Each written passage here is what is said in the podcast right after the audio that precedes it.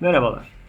Üniversite sınavları bu hafta sonu tamamlandı. Yakında üniversitemizde tanıtım günlerimiz de başlayacak. Birçok öğrenci arkadaşımız bizleri ziyaret edecek. Tabi bu pandemi sürecinde yüz yüze yerine canlı bağlantılarla da soruları yanıtlıyor olacağız. Öğrenci arkadaşlar acaba bilgisayar mühendisliği mi okumak istiyorlar yoksa yazılım mühendisliği mi? Ya da tıp mı seçsem diyorlar yoksa mühendislik mi? Çok zor kararlar tabii ama düşününce çok da doğal sorular. Çünkü okuyacağı bölümü seçerken hayatının geri kalanında nelerle ilgileneceklerini seçiyor olacaklar. Büyük çoğunluğu 17-18 yaşlarında olan bu arkadaşların o yaşlarda ne olmak istediklerini bilmeleri gerekiyor. Burada yapılacak hatalı bir seçim dünyanın sonu değil elbette ama çok moral bozucu olabiliyor.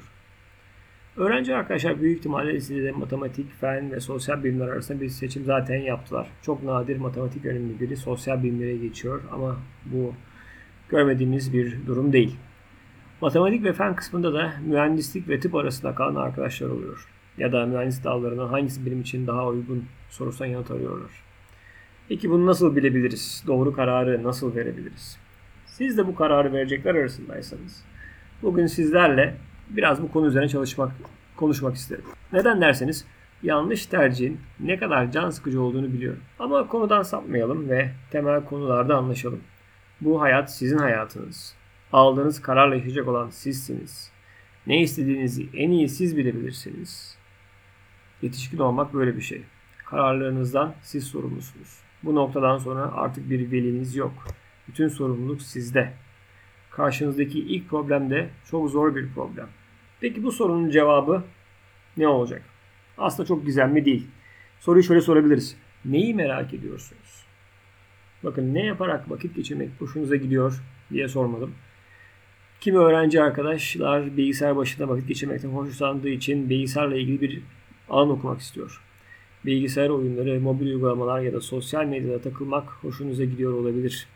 Ama bunlar nedeniyle bilgisayar mühendisliği okumak istiyorsanız çok farklı bir dünyada karşılaşacaksınız. Hep verdiğim örneği yine vereyim. Bütün tatlıları çok seviyorum. Çikolatalı, sütlü pastalar, kekler. O zaman mutfak sanatları okuyayım. Bunu demek ne kadar doğru. Bu yemekleri yapmayı seviyorsanız, mutfakta yemek pişirme hoşunuza gidiyorsa ve kendi tariflerinizi deniyorsanız mutfak sanatları okumak mantıklı. Aynı şey bilgisayar için de geçerli. Bir uygulamayı kullanırken bunu nasıl yapmışlar acaba diye merak ediyor musunuz?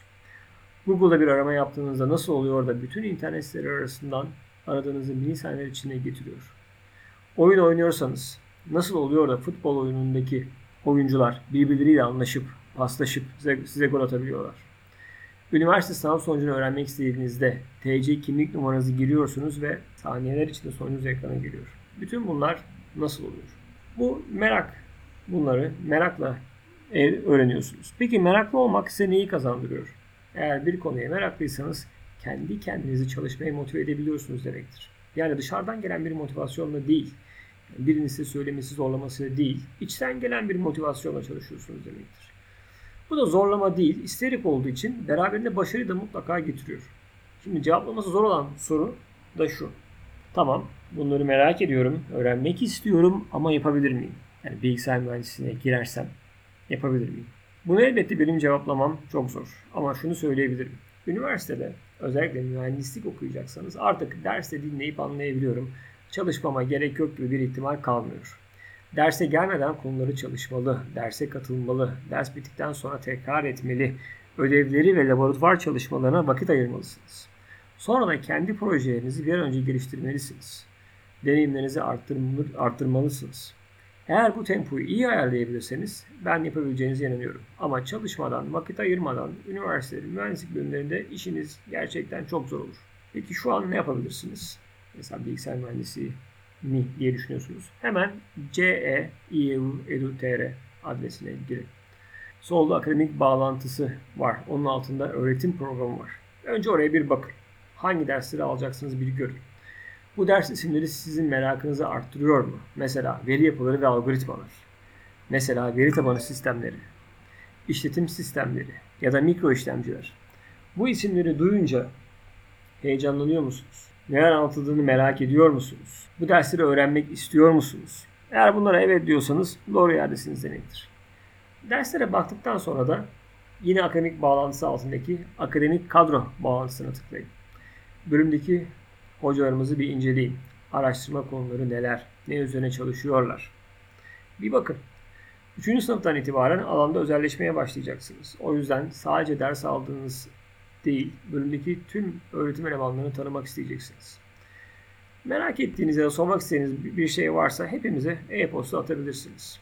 Bu arada unutmadan öğretim elemanlarına bakarken e, bir de yazılım mühendisliği ve elektronik mühendisliği bölümlerine de bakın. Çünkü ortak dersimiz çok ve bu bölümlerdeki öğretim elemanlarımızla da bol bol görüşeceksiniz.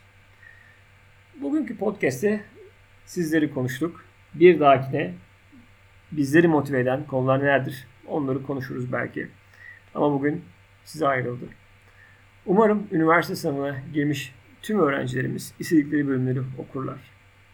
Üniversitemiz öğrencilerine de bu fırsatla bütün final sınavlarına başarılar dileyeyim. Sizlere dinlediğiniz için çok teşekkür ederim. Hepinize sağlıklı günler dilerim. Görüşmek üzere.